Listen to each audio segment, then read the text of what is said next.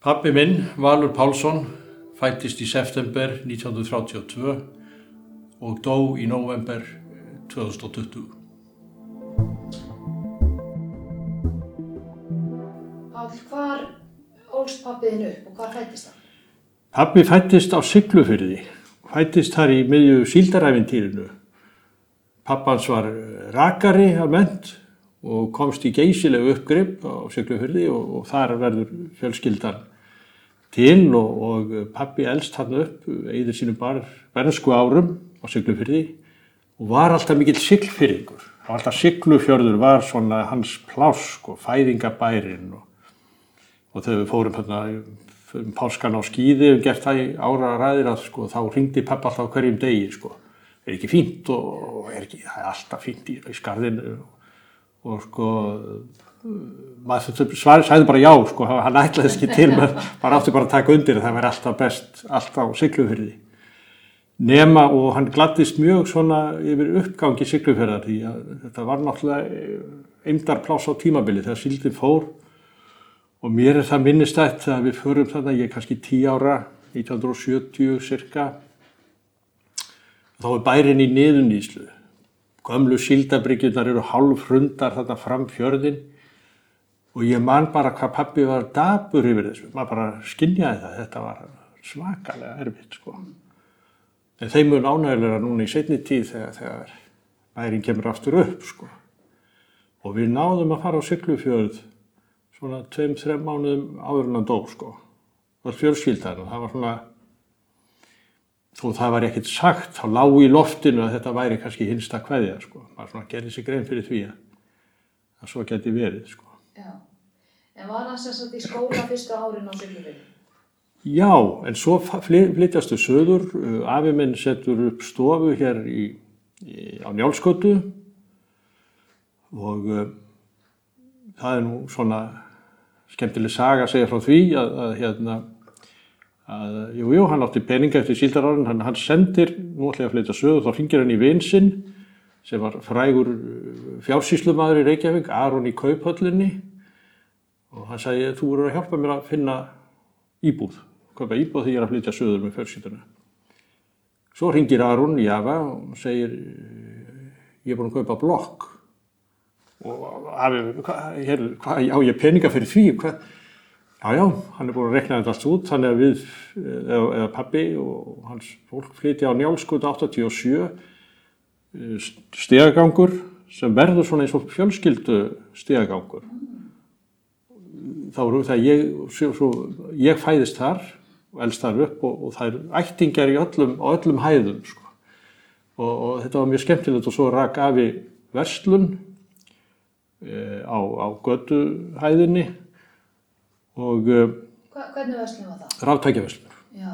selur hann að kæliskápa og, og rampa og þottavelar og alls konar vörur og síðan er pappi eftir Vestlunarskóla þá fer hann til Ameríku og lærir það viðskiptafræði í New York og sem er alltaf aldrei merkilegt eftir áhyggja og, og skilur New York var borgin hans alltaf eftir það, það er Siglufjörður og New York sko. og e, svo kemur hann heim og, og, og tekur við búðinni eins og til var ætlast sko. e, og hann rekur hana svona fram eftir svona fram 70 og eitthvað. 73-4 þegar hann, þegar hann uh, hættir. Og allt og mikil vinna og svona. Og svo eftir þetta þá uh, hann er viðskiptafræðingur þannig að hann fer að vinna hjá Hafskip og svo Eimskip. Og svo gerir hann það sem að ég er svo ánægð með og, og eftir á higgja var svo snjált hann er orðin sjötur hann er frá eftirlaun, þá fer hann í leiðsögumannarskólan og bara endur nýja lífsitt í staðin fyrir að leggjast bara upp í sofa og, og, og lesa eða eitthvað sem að gerði nú mikið af, að þá hérna þá fer hann að starfa sem leiðsögumann og er í því alltaf hann farið bara í síðustu ferðina fáinu mánuðum að hann dó sko. hann var alveg, hún fannst þetta svo gaman. Þetta var mikill svona útivistamæður, skýðamæður og hafði gaman að ferðast og hann hafði gaman að fólki þannig að þetta var einhvern veginn það grætu allir á þessu og ekki síst hann Og var hann svona góður að segja frá og flotta framkomu? Já, hann hafði, hann hafði sko, hann var náttúrulega aðla með, með svona Amerikana og bretta og, og náttúrulega eftir New York ári var hann náttúrulega uh, góður í ennsku og hafði hérna, uh, las alltaf mjög mikið. Að, uh, ég var, einhvern tíma var ég að spurja hann, hann var að lesa svona, sem þá var að kalla pocketbækur á ennsku, var óþekkt hér og hvað. Og þá sann, ég, maður þarf að halda við tungumálinu, sko. Um, og hann hérna, uh, sko, við getum sagt að hann svona, hann endur nýja sig, sko. Maður sá hvernig kviknaði á honum aftur, sko. Og hann greinlega orðin þreyttur á að sitja inn í einhverju skrifstofu dæmi endalust, þannig að þetta var svo svakalega snjált. Og að þessu leiti er að, ég hugsa að þetta, þetta er fyrirmynd, sko. Svona maður að gera.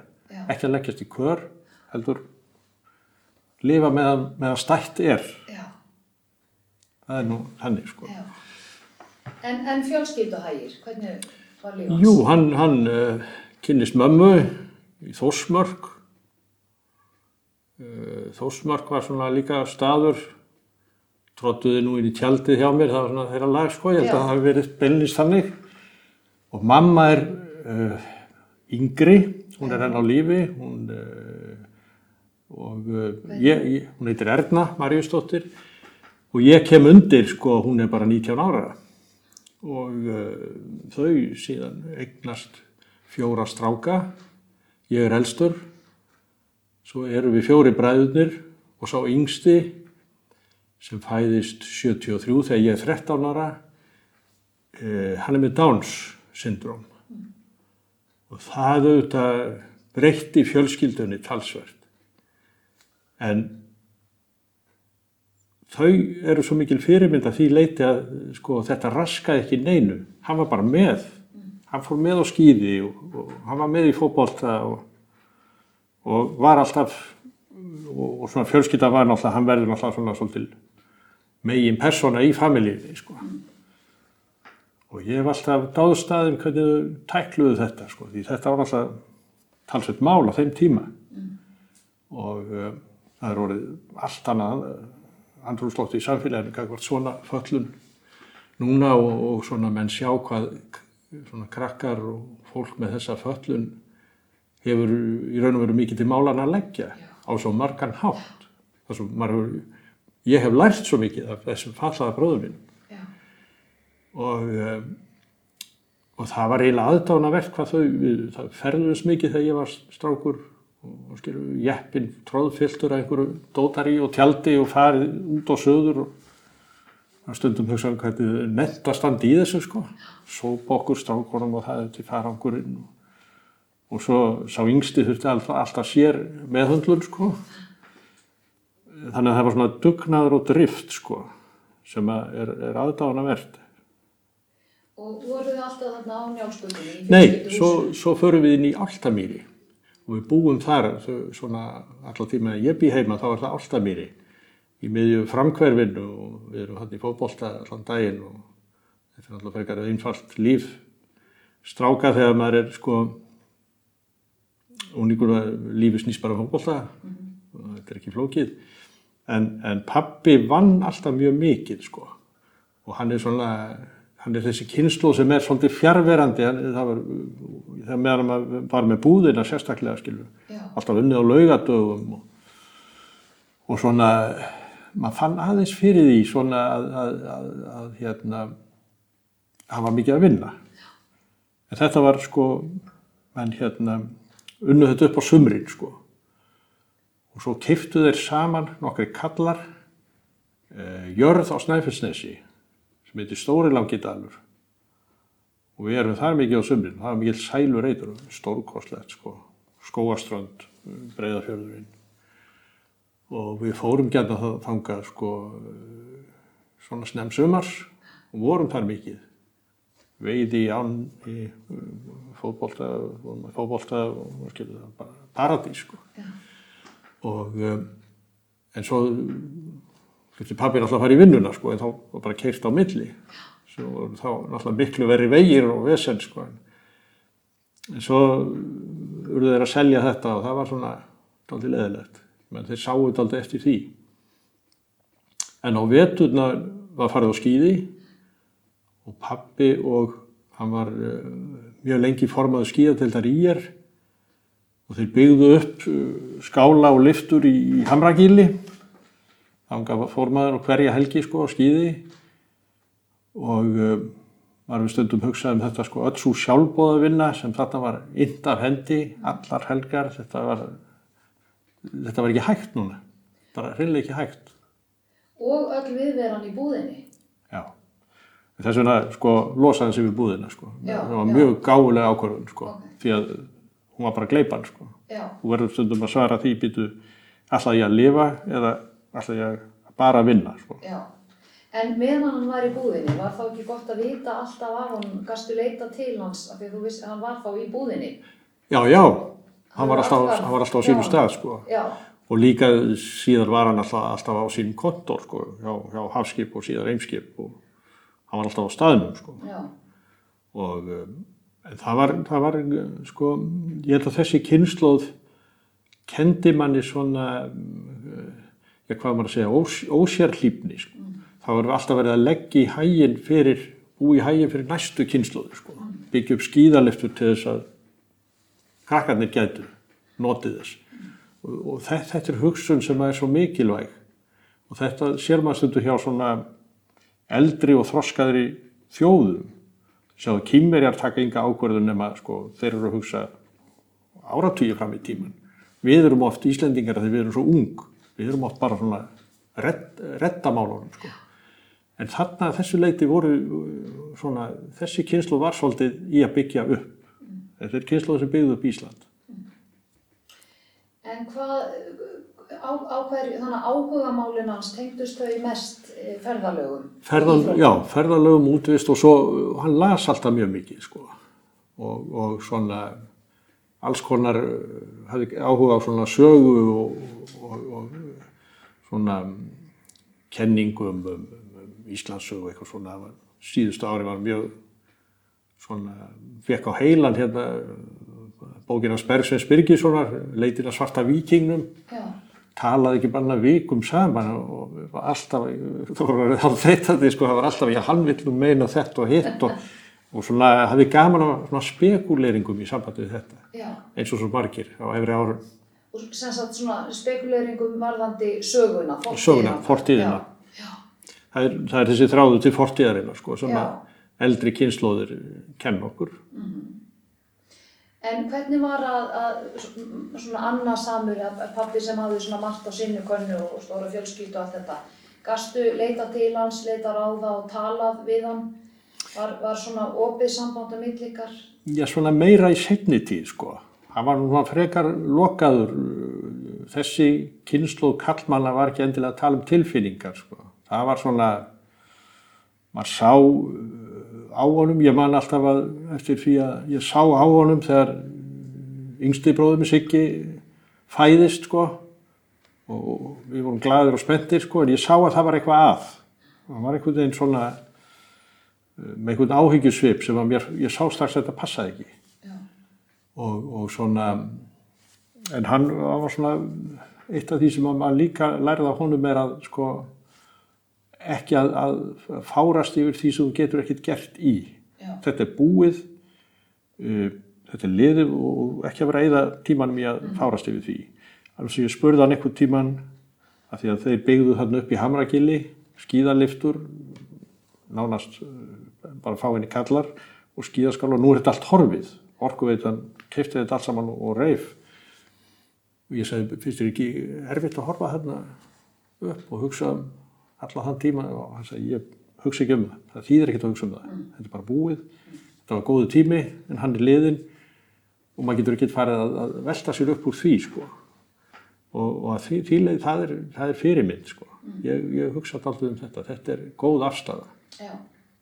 Og líka eins og þetta, eignast son með Downs. Það var eitthvað sem hann gæti ekki breytt en þá, hann var ekki kannski að tala mikið um það en hann gerði það best úr þessu. Það gerði það best úr þessu og ég held að vera aldrei talað um það beinlinis en, það bara var einhvern veginn sjálfsagt að, að skilur, fjölskyld bara helt áfram.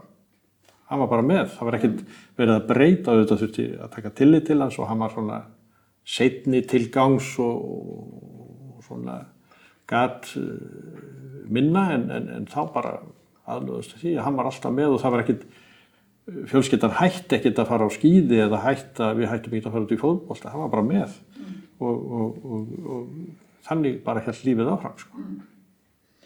En áttan pappiðin gott líf? Ég held það og það taldi hann sjálfur. Við rættum oft saman á spítalanum, á spítalanum í lokin sko og hérna og þá svona uh, sagði hann það sko. Hann deyr sáttur Já.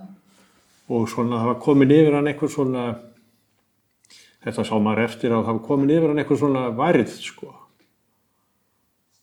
Og hérna ég man alltaf eftir því að svona síðustu vikuna það nátti erfitt með mál og var eitthvað svona, "Heyrðu, ég get ekki, þú eru bara að tala. Og ég, hvað, hvað, ég, já, bara segðu mér eitthvað sögur og svo fór ég að segja eitthvað sögur og hann hafði mjög gaman að heyra sögur aftur og aftur, sko. Já. Og þá svona kýmdi í honum, sko. Þannig að maður sá, sko, að hann, hann var uh, sáttur og ánaður með sitt líf Já. algjörlega ég, aldrei nokkuð tíman heyrði ég hann einhvern veginn barma sér eða, eða, eða síta sinn hag eða hlut En hvað starfaði hann lengi sem liðsögumadur eftir að hann endurmentaði sig þarna? Já, hann er, skilur, ég segi þetta hann er, hann er hann fer 70 í námi, hann er kannski byrjun með 70 og hann er, hann er bara fram til þess að hann er 88 ára gammal sko. ég held að hann verið elsti einn, al, elsti, þetta kom í blöðunum frétt sko, 88 ára gammal leðsögumæður sko. þá var hann að vísu bara í svona stittri ferð Já. undir lokin sko. Já. var hættur að fara ringferðir og, var komin í þetta hann gætt valið sko ef hann nefndi ekki þá, þá sagði hann bara nei og svona að ég nefndi ekki með en, en annars sko fannst honum þetta frábært.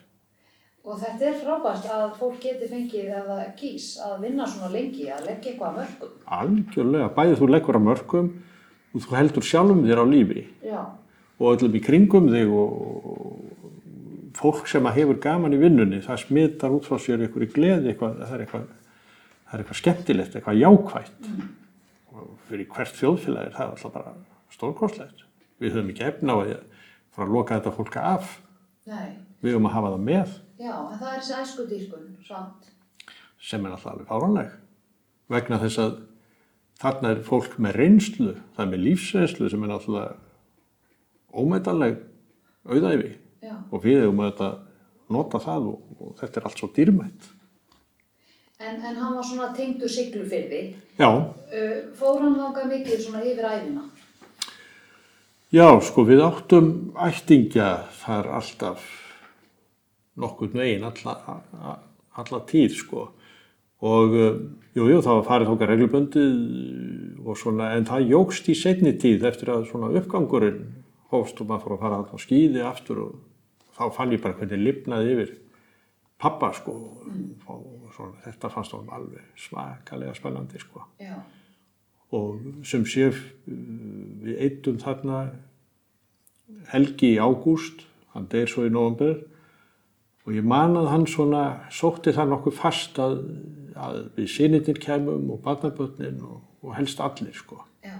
til þess að eigða þetta saman langri helgi og, og borða saman og svona og, og ég svona þótti skinja að þetta væri sko hann, hann var ekki maður sem vilja sótti hlutina fast sko eða svona með, aldrei með neina svona tilætluna sem ég en ég held að þetta verið planað sko Já.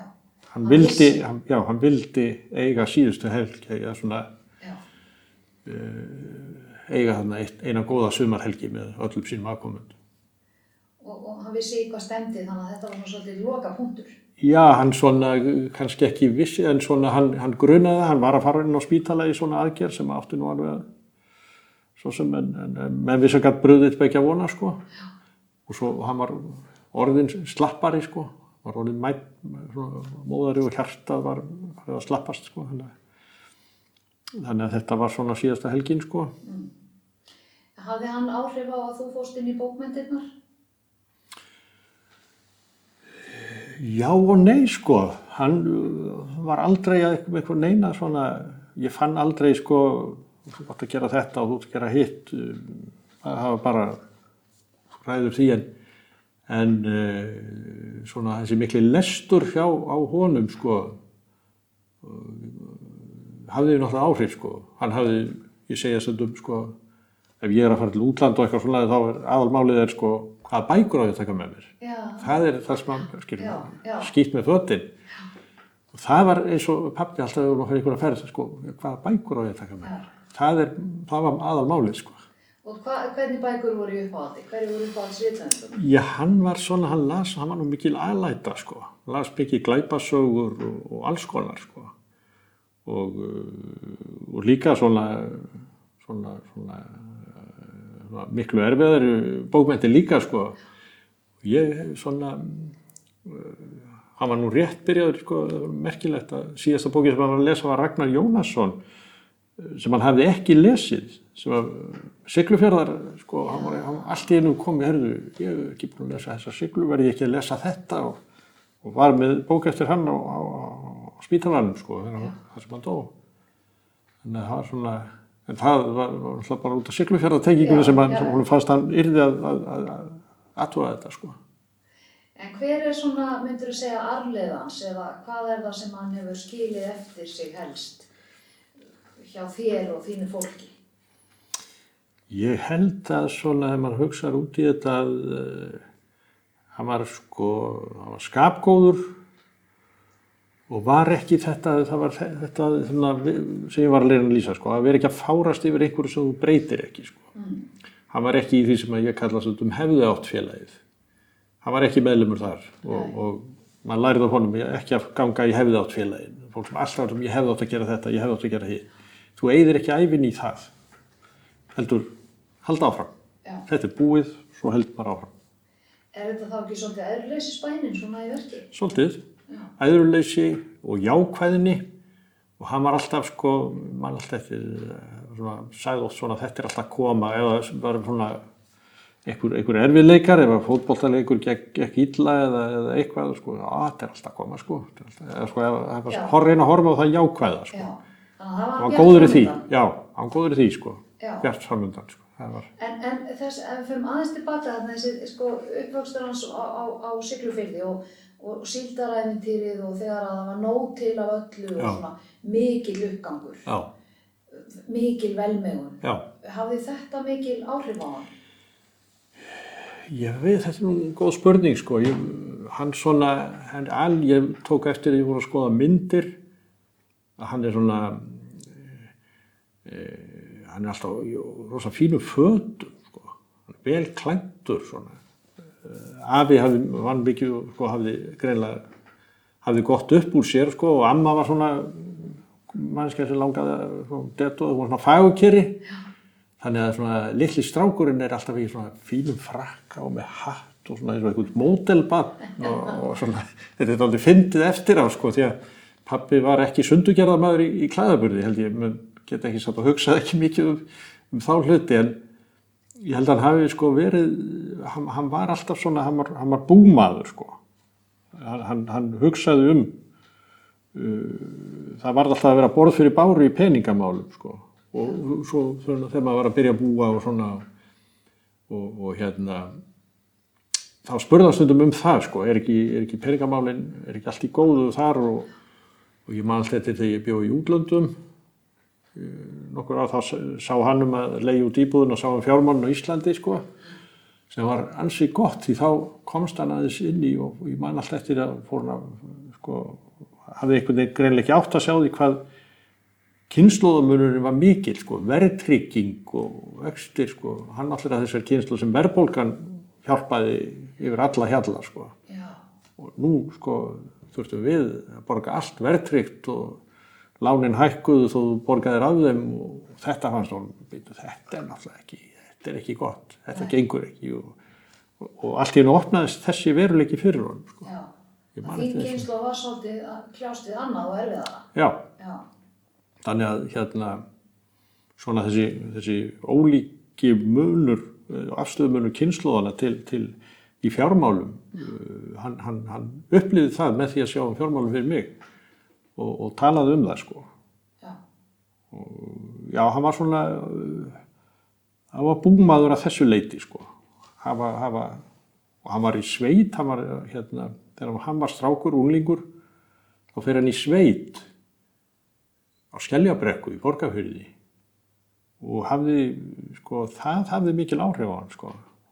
Og svona, kannski var hann búmaður þar og hafði mjög gaman af því, það er svona útivisti, sko, hestar og, og svona, Og líka að það þarf að vera til eitthvað í hlöðunni. það þarf að vera til í hlöðunni. Já, Svo sendi, ég fór í sveit uh, svona 12-13 ára tvö sömur fórnaði fótbolltaferlinum um, ekki síst fyrir svona hans kvartningu sko. honum fannst að ég þyrfti að upplifa þetta já, og eftir á higgja var þetta var þetta mjög gott sko. það var gáfulegt, gáfuleg ákvörðun að hlusta á það já, þó að fótbolta fyrir já, ég, hann er henni kannski hvort þið er endað Eitt, viltu nefna eitthvað eitt sem þið finnst vera svona best við pappa þinn, bara svona að lokum? já, svona Ef þú hittir hann í dag og ættir að segja við hann takk eitthvað, Já, sko, ég held að það er þessi lífsgleði. Ég myndi segja lífsgleði. Hann hafi gaman að lífinu, gaman að góðum sögum, hláturmildur og jákvæður. Og þetta er allt mjög eftirsókn að verða reynleikar. Sko. mjög. Páll Valsson, takk fyrir að koma og deila með okkur minningum þínum um pappa þinn. Takk. Þér, sömulegis.